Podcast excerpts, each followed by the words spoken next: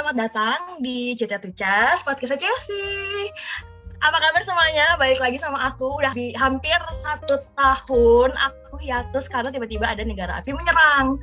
Nah, sekarang balik lagi, balik lagi karena ada bintang tamu yang nyolek-nyolek aku buat bilang kayak, eh podcast lagi dong. Cause I'm brighter than the fire. aku Dia bilang kayak podcast lagi dong. udah- Iya. Bahkan akunya itu kayak udah lupa kalau aku punya podcast. Nah, ini kita kenalan dulu bintang tamunya. Hai, siapa Anda Halo sana? semuanya. Nama saya Leonardo Sofan Pamungkas. Saya bisa dipanggil Leo atau Novan atau. Pamungkas. The bone Enggak. nggak? To the bone nggak? Oh, iya. Eh, iya. Aku Oke, Leo. Aku 26 Leo tahun. ya boleh ya dipanggil Leo Iya. aja ya kali ini. Oke ini Leo, jadi sebenarnya Leo adalah orang yang aku kenal semenjak aku memasuki uh, residensi. Jadi alasan aku kemarin hiatus, iya alasan aku kemarin hiatus di podcast karena tiba-tiba aku terima sekolah lagi gitu dan ketemulah sama si orang ini yang bernama Leo. Nah jadi si Leo ini, uh, Leo ini ngajak aku untuk bikin podcast lagi katanya itu kasihan banget podcastnya dianggurin gitu. Terus akhirnya kita ngobrol-ngobrol kayak apa ya topiknya kayak apa yang seru ya kira-kira berhubungan dengan kita agak narsis ya gitu Terus tiba-tiba kan kebetulan kita ngambil jurusan ngambil spesialis yaitu di bidang ke kedokteran jiwa jadi kita ngomongin kita kita ngomongin mental health aja gitu nggak sih kira-kira betul, terima betul Ya, gitu. sekali Jessie. By the way, ini adalah podcast pertama gue. Jadi kalau gue slip off my tongue itu pardon me. Aku kan demam panggung. ya demam panggung biar sebenarnya nggak ada panggungnya ya jadi Iya, dan aku juga bahas mental health lo tapi nah. Pertama-tama pertama-tama pak aku pengen ngomongin soal mental health tuh ini. Jadi kan sering banget ya kalau misalnya kalau misalnya aku ke rumah sakit naik ojol gitu naik ojol habis itu drivernya ngomong ke aku kayak "E, mbak ini sekolah atau kerja gitu. Pertanyaan pertama itu tuh. Terus habisnya habis itu aku jawab sekolah pak gitu. Terus habis itu tanya lagi jurusan apa pak? Eh jurusan apa mbak? gitu. Terus aku jawabnya kayak "E, ini pak saya ambil jiwa. Nah pertanyaan selanjutnya ini kayak 100% pertanyaannya itu adalah ini. Oh kalau udah lulus berarti jadi psikolog ya? Kayak gitu. Hmm. nah ini sebenarnya kayak bidang kita yaitu psikiatri sama psikologi sebenarnya bedanya apa sih lah kamu bisa nggak sih ngejelasin Tentu banget. denger Iya. Tentu banget aku bisa menjelaskannya. Karena aku udah semester 4. Sampis. Oke guys, jadi eh, jadi dalam mental health itu banyak nih profesi-profesi yang berkecimpung dalam mental health. Salah satunya Hmm. ada psikolog, ada psikiater, dokter psikiater, ada juga di profesi perawat misalnya nurse-nurse atau perawat-perawat bagian jiwa itu juga berkecimpung nih di bagian mental health. Jadi banyak nih nggak cuma satu profesi aja. Terus apa sih bedanya psikolog dan psikiater, dokter psikiater? Nah, jadi psikolog itu adalah lu nggak usah ambil dokter, jadi lu itu langsung jurusan psikolog. Jadi ilmu yang mempelajari tentang uh, mindnya manusia, jadi pikirannya manusia kayak gitu. Nah, biasanya Hmm. kalau psikolog ini lebih based on social science kayak gitu. Jadi Hmm, anak IPS setuju. udah bisa nih join psikolog kayak gitu. Anak IPA, anak Hmm. IPS dari SMA aja bisa nih join psikolog dan memang memang ber- berkecimpung di bagian mental health juga. Nah, tapi kalau misalnya psikolog itu juga nanti setelah S1 lulus pun juga ada spesialis-spesialisasinya kayak gitu. Jadi kayak psikolog industri. Nah, salah satunya yang terkenal nih yang ngasih kayak film-film gitu itu psikolog klinis namanya. Jadi mereka pun ambil sekolah pasca sarjana lagi itu namanya psikolog klinis biar bisa berpraktek kayak gitu. Nah, itu psikolog ya. Nah, tapi kalau dokter psikiater namanya Hmm. aja udah dokter. Nah, apa sih dokter itu ya jelas dokter ya. Jadi dokter dokter psikiater itu adalah seseorang yang sudah mengambil takut gue dimarahin eh gue nggak marah, gue orang Sumatera please.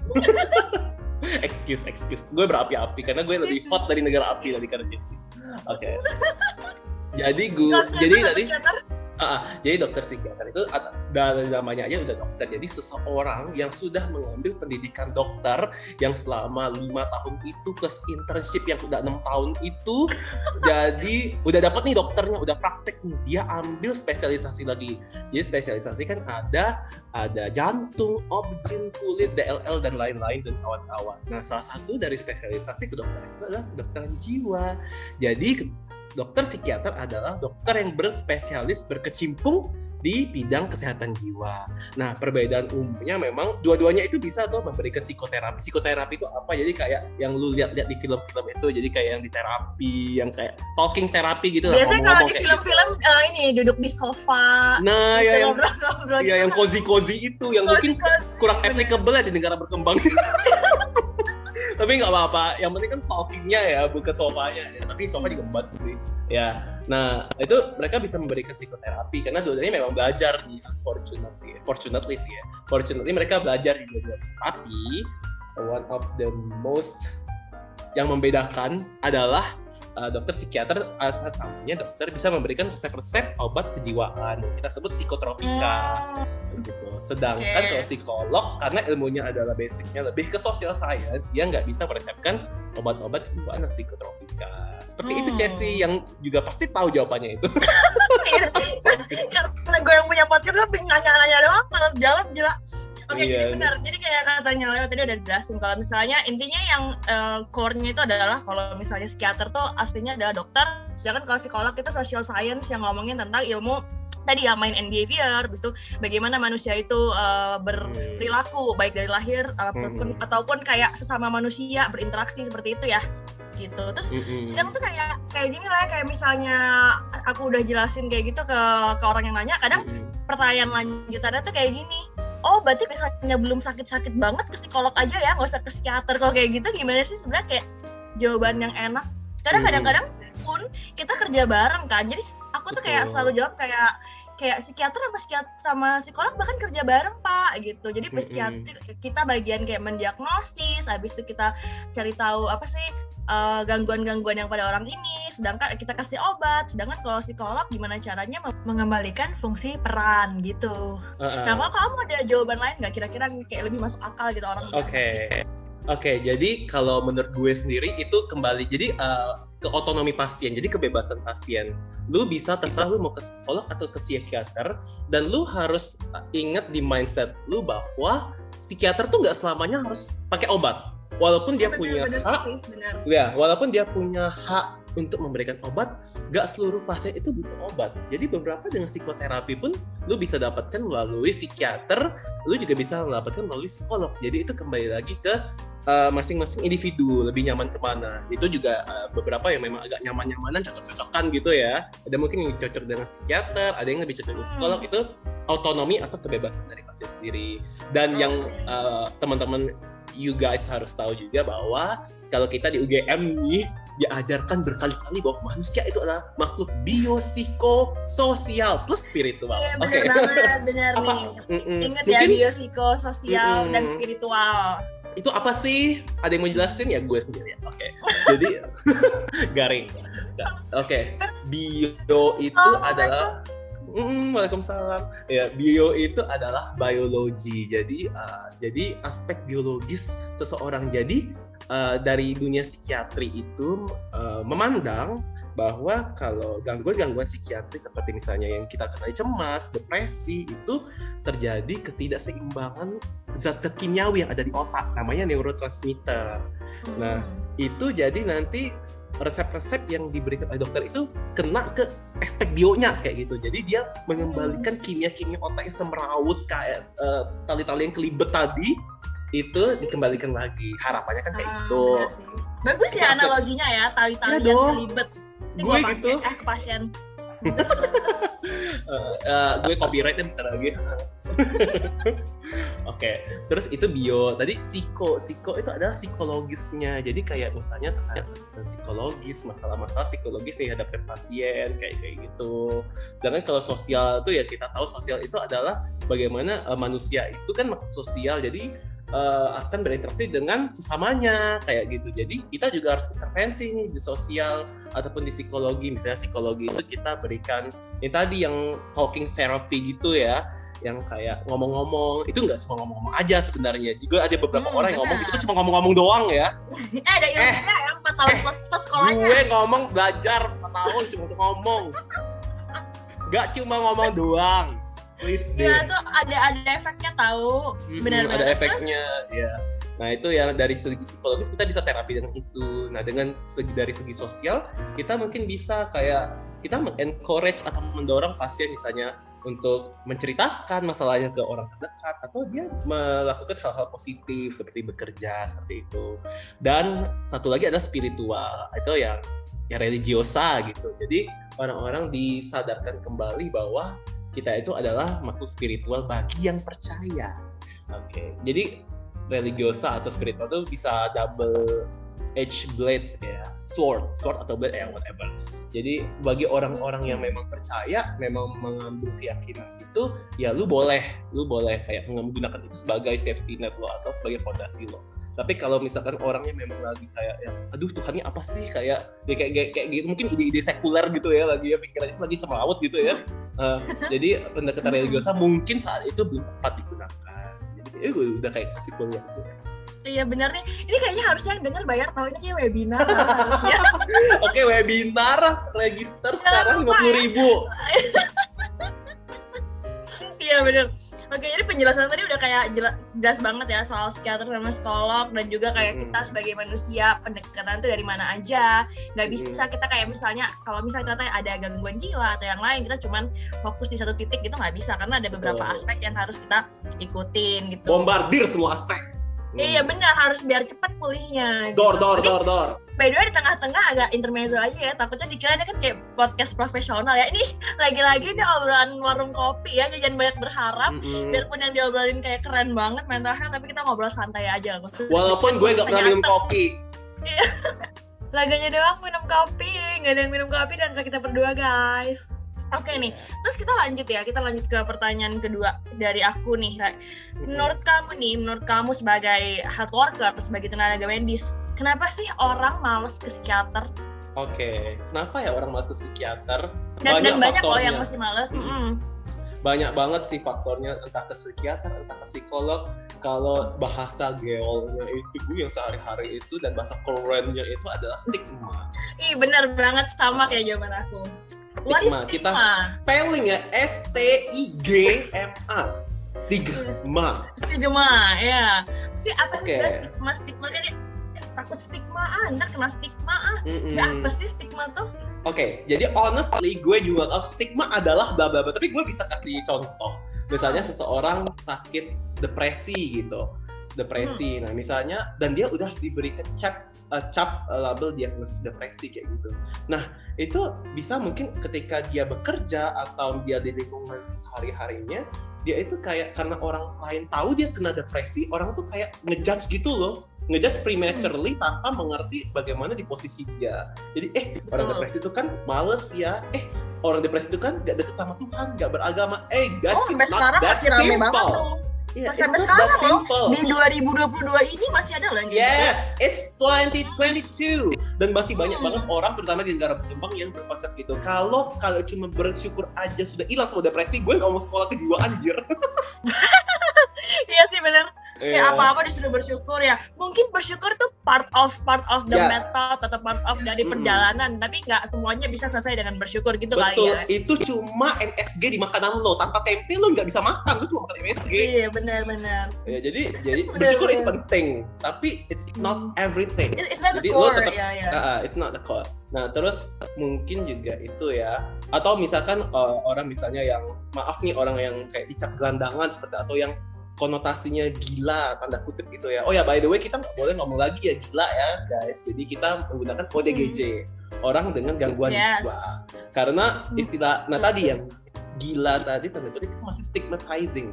Jadi dengan kita mendengar hmm. kata gila itu kayak ih dia ini kalau kita deketin kayaknya dia mau ganggu gue nih kayak ya dia kayak ya bisa merusak gitu bisa merusak oh, merusak ganggu gue hmm. gitu. Nah kayak gitu. Nah itulah yang namanya stigma. Jadi kita memunculkan kayak apa ya label-label tertentu yang itu ya nggak harus benar kayak gitu.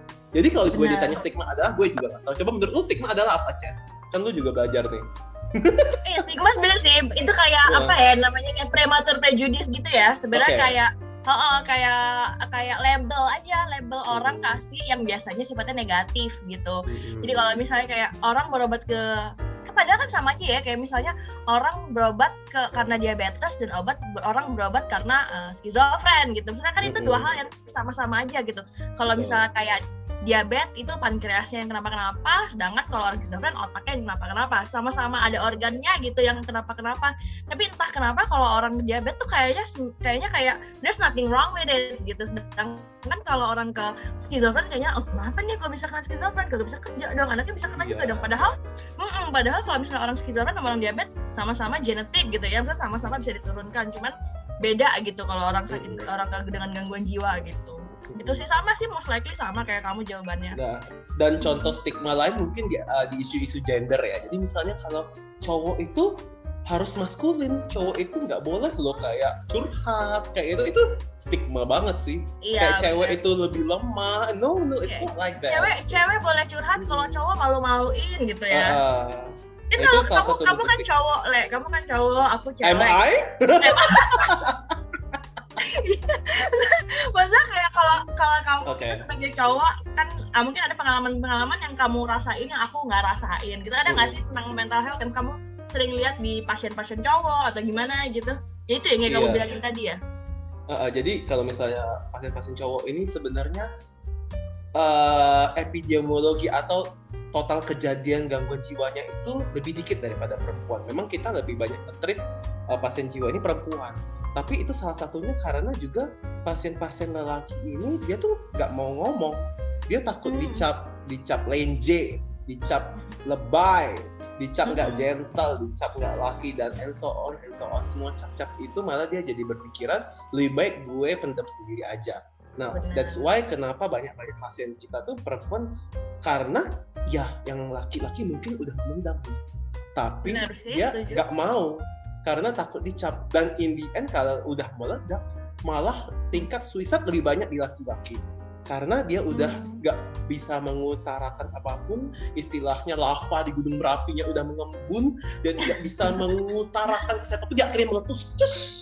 Kayak ya, ini ya gitu. kayak bom waktu ya. Kecil kecil kayak kecil tiba-tiba meledak. Hmm. uh, Nah, iya seperti ini. Itu. Padahal ini awalnya dari stigma ya, dari omongan orang aja yeah. gitu, tapi bisa sampai suicide jauh banget. Tapi memang jauh beneran sih hal-hal kayak gitu terjadi beneran terjadi dan di lapangan beneran ada ya. Kalau selain stigma nih, kalau hal kedua yang aku rasain, kenapa orang malas berobat nih, Le? Karena kalau aku ngobrol sama pasien, karena katanya mahal gitu. Hmm. katanya berobat ke psikiater mahal gitu. Dan orang tuh masih beberapa nggak tahu kalau berobat ke psikiater atau ke dokter jiwa itu bisa pakai BPJS betul. Gitu. orang-orang nggak tahu. uh, hmm, boleh jelasin jadi benar banget. Iya uh, kan? Kalau kalau kamu eh kebetulan ini pendengar-pendengar semua ini kayak kalau aku tuh lagi di stase Bangsal sedangkan si Leo ini lagi di stase Poli gitu. Baru Beda terbang. Mungkin, mungkin ya bisa jelasin kalau di Poli mungkin kayak lebih uh. lebih kelihatan gitu. Kalau menurut kamu gimana tuh soal BPJS BPJSan?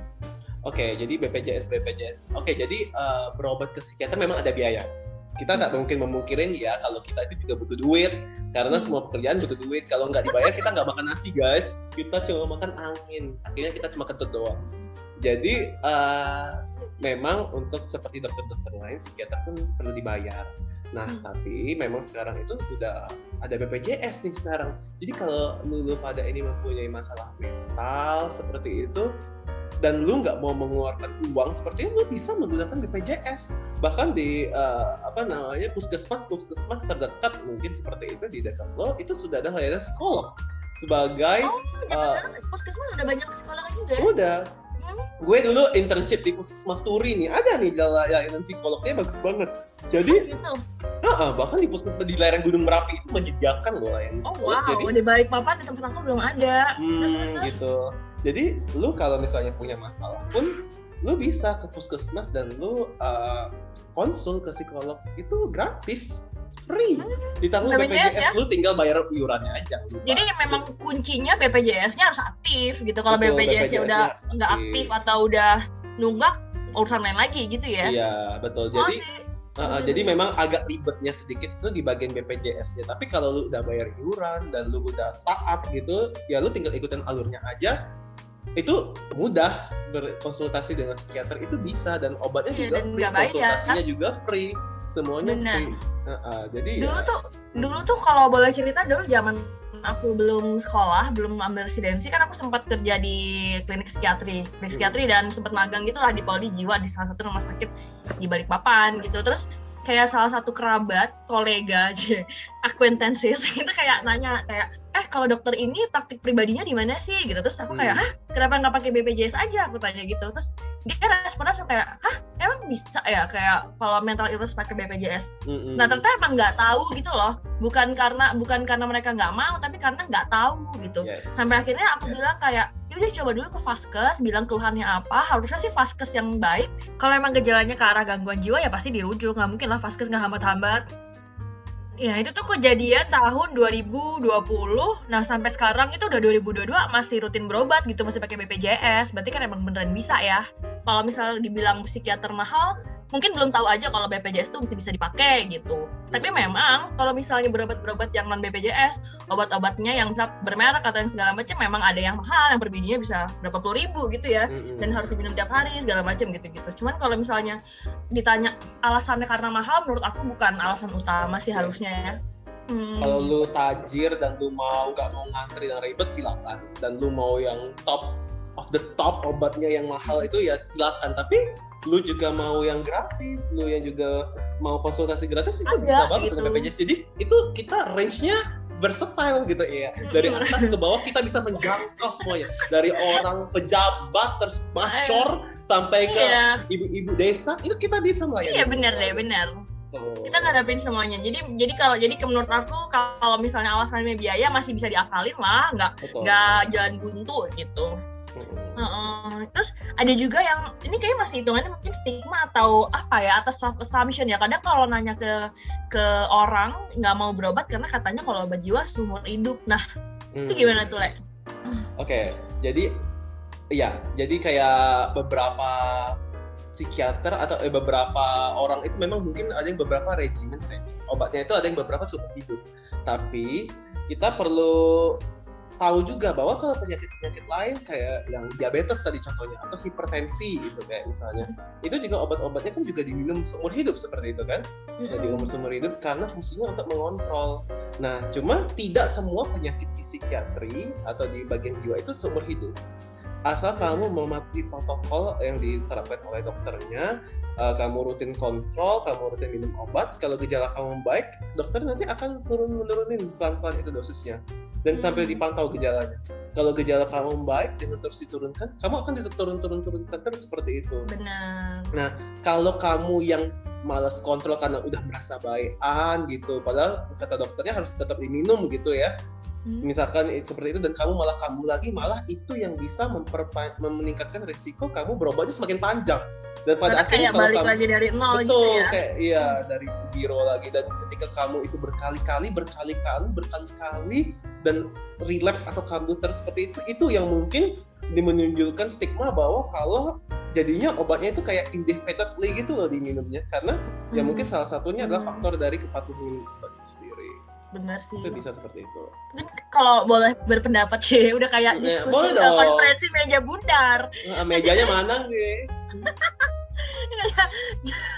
Jadi kalau misalnya memang mungkin kunci dari obat-obat psikiatri ini em, obat-obatnya adalah bukan kayak obat sakit kepala yang sekali minum beres gitu ya atau Oh. obat kayak obat-obat sakit mah yang sekali minum eh, ah udah udah enakan nggak gitu jadi emang konsep awalnya dulu psikiatri ini memang obat-obatnya biasanya eh, jangka panjang gitu dan jangka panjang itu nggak semua orang sama ya maksudnya kayak tergantung gejala, gan- tergantung diagnosis, tergantung kepatuhan. Tapi memang biasanya nggak sehari dua hari, nggak seminggu dua minggu Hmm. gitu.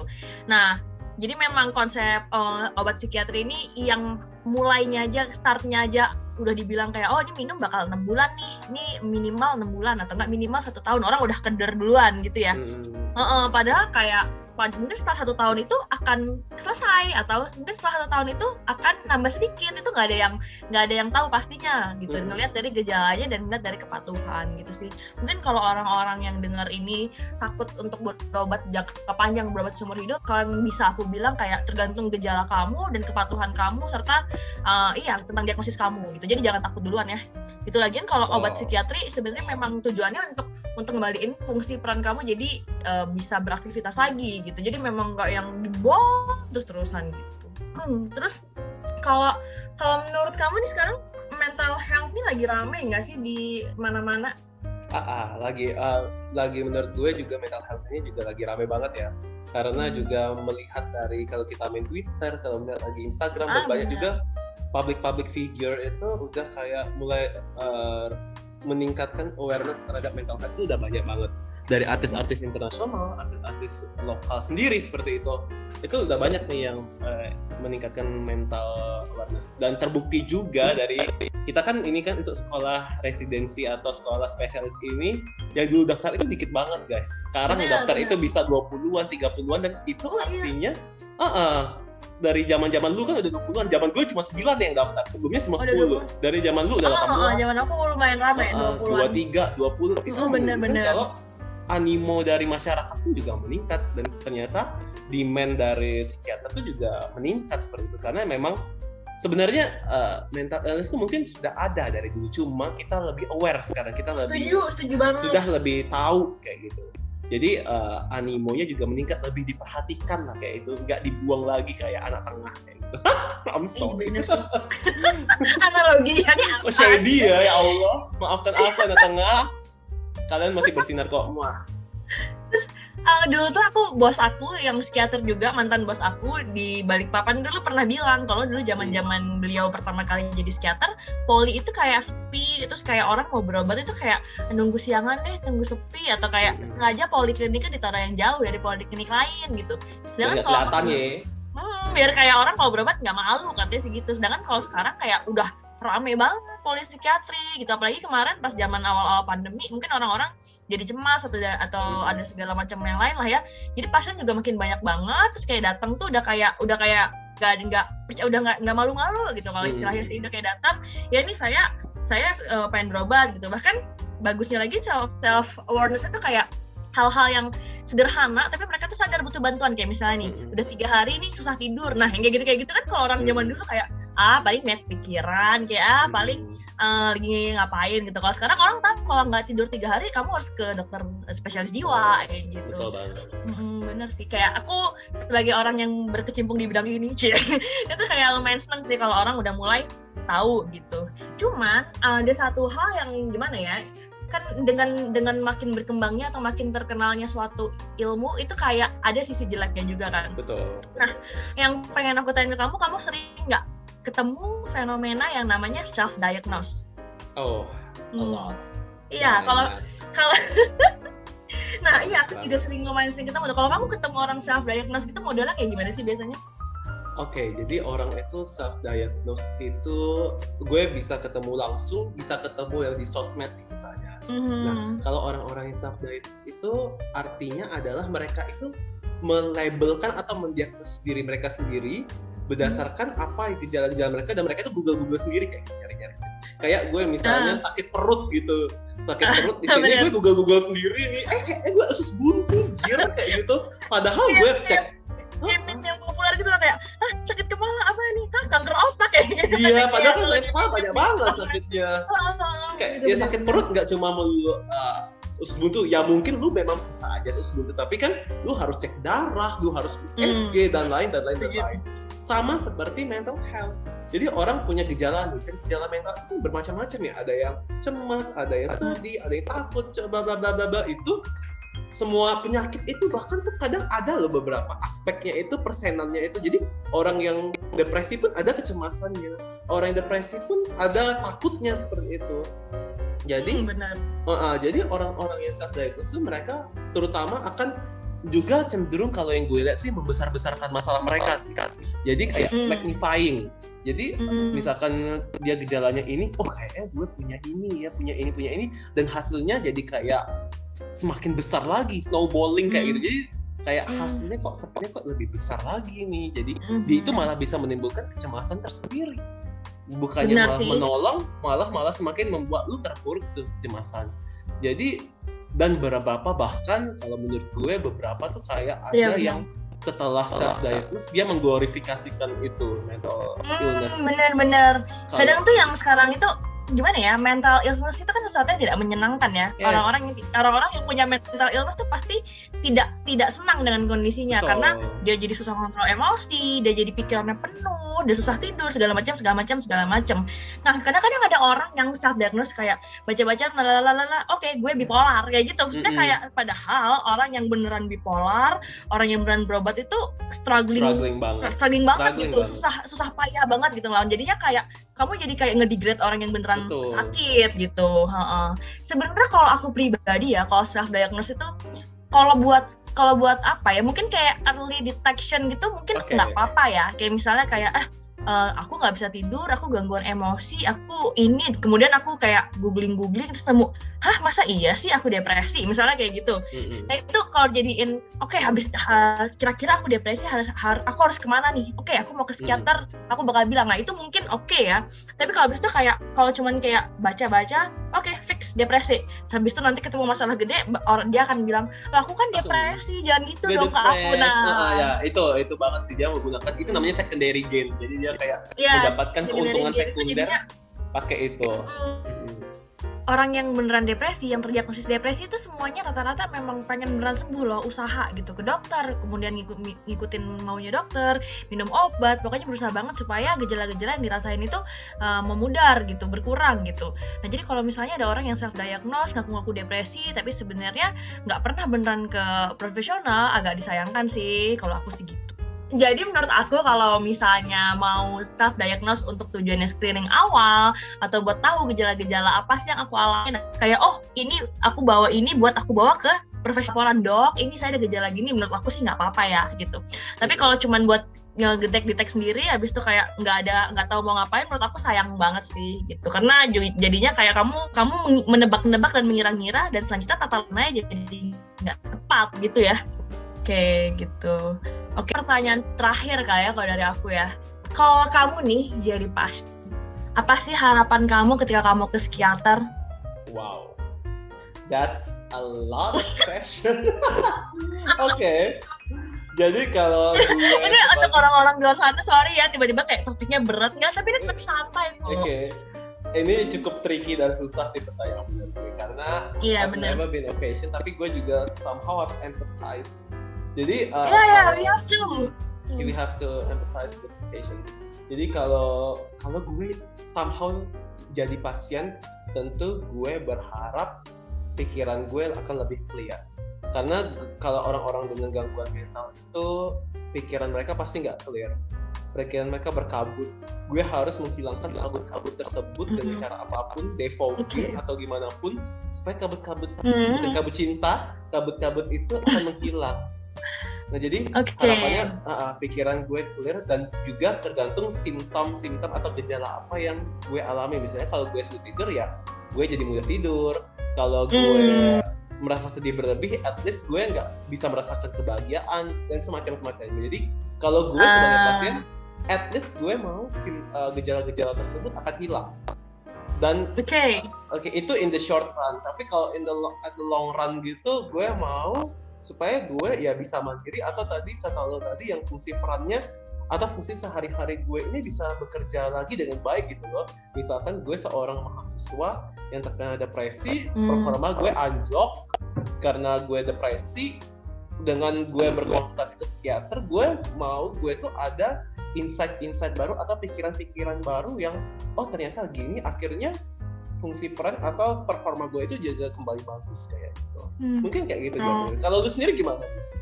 Kalau aku ya, kalau jawaban kamu tadi kayak jawabannya profesional banget, tapi nggak kepikiran sampai sana jujur. tapi, tapi kalau aku ya, aku ke kalau misalnya aku ke psikiater, hal pertama yang aku pengenin adalah aku tidak dijudge. Jadi Oke. pengalaman, jadi aku sakit apa pun itu, eh, penyebab sakit apa pun yang kurasain, pengalaman apa pun yang kurasain, aku pengen dokter yang periksa aku tuh kayak, oh oke, ini orang perasaannya valid nih, yang dialamin itu berat nih gitu, bukannya malah kayak ah ini orang cuma sakit kayak gini ngapain ke psikiater yang gitu Hmm. itu sih kalau aku yang pertama aku pengen banget aku dan tenaga medis yang di sini adalah berarti psikiaternya itu punya tektokan yang enak gitu. Jadi bisa ngobrol bisa enak tahu pengennya aku dan dia juga enak mau mau meriksa aku kayak gimana gitu. Terus selanjutnya udah pasti pengen ini ya pengen stabil ya. Kata-katanya mungkin kalau bahasa awalnya pengen sembuh gitu pengen Mm-mm. pengen stabil dan keluh-keluhannya berkurang kayak yang kamu bilang gitu sih. Semoga semoga kita ini ya bisa jadi health provider yang baik gitu ya. Amin. Still a way long to go. Still a way- We will slay it. Aku baru aku baru mau sem- aku baru semester 3 tolong banget masih long way to go tapi nggak apa-apa ambil belajar gitu sih mungkin ini nih closing statement mungkin buat buat kamu By the way, buat yang belum belum Hmm. closing menurut gue. By Apa? the way, tadi kan lu ngomong ya residensi. Ini mau dibahas nggak sih sekalian? Hmm. Residensi Eh, apa-apa in, sih, in a glance, in a glance. Kan tadi lu ngomong di awal residensi, gue semester Oh, 3, iya. semester 4 gitu. Coba gue nanya sebenarnya residensi Hmm. itu apa sih, Hmm. Ces? Bisa nggak lu jelasin ke audiens kita ini residensi itu apa sih? Apakah itu penghuni rumah atau gimana? Penghuni terakhir? ya ampun ya, ini belum dari situ apa ya ini kalau dari tadi ngomong residen residen pendengarnya jangan kayak residen apa sih penduduk Iya, jadi apa sih? residen ini kan ini apa namanya jadi setiap peserta didik program dokter spesialis gitu jadi orang-orang yang in program lagi mau in do oke lagi jadi dokter spesialis gitu Mm-mm. Nah waktunya macam-macam sih ya karena aku sama Leo ini ambilnya psikiatri minimal em, 7 semester ya. 7 semester sampai 8 semester Delapan maksimalnya ya indefinitely gitu. Nggak tahu sampai kapan. Mm-mm, sampai gitu. drop out. Ya doain aja lancar-lancar hmm? sampai drop out. Iya jangan dong, semoga Ah, sekolahnya coy, on coy, time coy. ya kita ya, udah astagfirullahaladzim bayar mahal ya. Iya bener gitu, ya gitu deh, jadi nih semoga ke depannya kita bakal sering ngobrol-ngobrol yang seru-seru lagi ya ya. Ya menurut gue nanti kita harus bahas uh, residensi itu kayak apa sih? Mungkin orang yang curious atau misalnya yang gimana gimana gitu biar dapat insight sedikit tentang residensi. Oh iya, mungkin apalagi lu bisa ini ya. mengundang bintang tamu lain. Eh wow, ini kamu mengide aku ingin fight yang ini ya, dari bidang-bidang lain mungkin ya. Jadi iya dong. Jadi kayak biar podcast lu juga semakin uh, uh, supaya podcast lu juga berkembang akhirnya subscribernya satu juta Dong, ini aja kayak baru bangun dari mati suri, tolong. Oke, jadi closing statement mungkin closing statement dari aku tentang hari ini kita ngomongin soal mental health. Kalau saran dari aku sih jangan ragu kalau mau ke psikiater, jangan takut, jangan ragu kalau misalnya punya keluhan, pasti kita dengan dengan open kayak akan menerima gitu keluhan-keluhan. Karena kita semua eh, yang sekolah khususnya di bidang kedokteran jiwa ini ingin banget kita semua sehat jiwa gitu sih. Itu kalau dari Leo gimana nih? Oke, kalau closing statement dari gue berhubungan dengan mental health, uh, there's no health without mental health. Jadi mental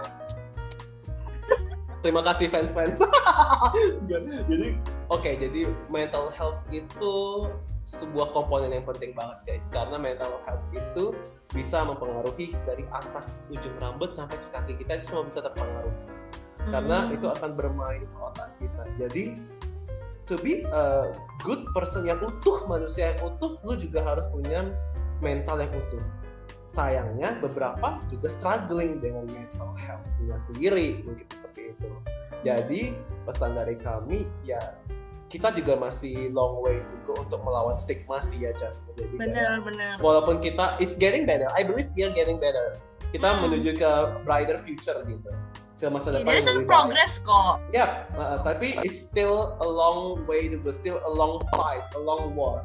Jadi kita Mhm. ayo guys kita sebagai mungkin yang lolo yang pada dengar adalah dokter teman-temannya Chelsea yang gaul-gaul itu anak-anak cimsa atau misalnya ada orang awam pun ayo kita bersama-sama orang yang sudah denger ini yang udah lebih aware terhadap mental health kita harus berperan dalam mengurangi stigma kita harus berperan dalam mengurangi stigma supaya orang it's okay not to be okay. Yeah Anders bilang Oh, iya it's okay bener. not to be okay Ya ampun, guys. itu drama drakor kesukaan aku. betul aku juga karena itu mental health Iya bener-bener. jadi, Jadi, it's okay not to be okay guys. Jadi kalau kalau lu iya nggak oke bener-bener itu setuju sih. it's okay. Nggak perlu di hide. Nggak apa-apa, masa orang masa orang mau happy terus? Kan nggak mungkin ya. Nggak perlu disembunyiin. Kamu bisa konsul ke mana pun. Pertama kalau kamu misalnya bener-bener masih keberatan kamu konsul ke teman-temanmu. Kamu cerita ke teman-temanmu atau ke orang terdekatmu ke keluarga terdekatmu itu udah bisa menolong banget. Tapi kalau misalnya sudah kamu konsultasi ke teman terdekat orang terdekat kok masih kayak rasanya ada yang ganjil gitu kami psikiater dan kerjasama dengan psikolog ini terbuka untuk menolong kalian semua. Jadi so don't be ashamed to consult with us. Kayak go. Setuju banget. Oke. Statement. That's that's a good that's a good closing statement. Benar-benar bagus. Intinya jangan scatter gitu Oke, ini podcast hari ini kayak udah seru banget, udah lumayan lama juga. Jadi Yeay, kayak thank you banget sih. sekali lagi mau di Iya, thank you banget buat Leo udah mau diundang di Chat with Chess. Oh my god. Chess. Iya, gue mau diundang terus atau gue jadi co-host juga, gue berkenan. Iya. Jadi kayak thank you banget udah mau udah mau ngobrol-ngobrol hari ini. Jadi kayak semoga biarpun obrolannya kayak yang aku bilang tadi obrolan warung kopi, obrolan obrolan minum-minum santai, tapi semoga ada yang diambil ya buat Tapi kopi kita kopi luwak bukan kopi apa Iya. apa. Apa? So, itu masih quality banget. By the way, happy International Cats Day everyone. It's 8th of August. Oh gue iya, seneng ini direkam pada saat hari ini hari internasional Betul. kucing. Ya ampun, ya udah. Gue suka sekali lagi kucing. thank you very much. Thank you very much sudah mau join podcast hari ini. Semoga ke depan-depannya ada topik-topik yang seru lagi ya. Amin doakan podcast Jessie terus rolling and rolling Iya, sampai subscribernya 10 juta. Udah jadi artis, ntar tau gak jadi dokter. Oke, see you later. Bye. Bye.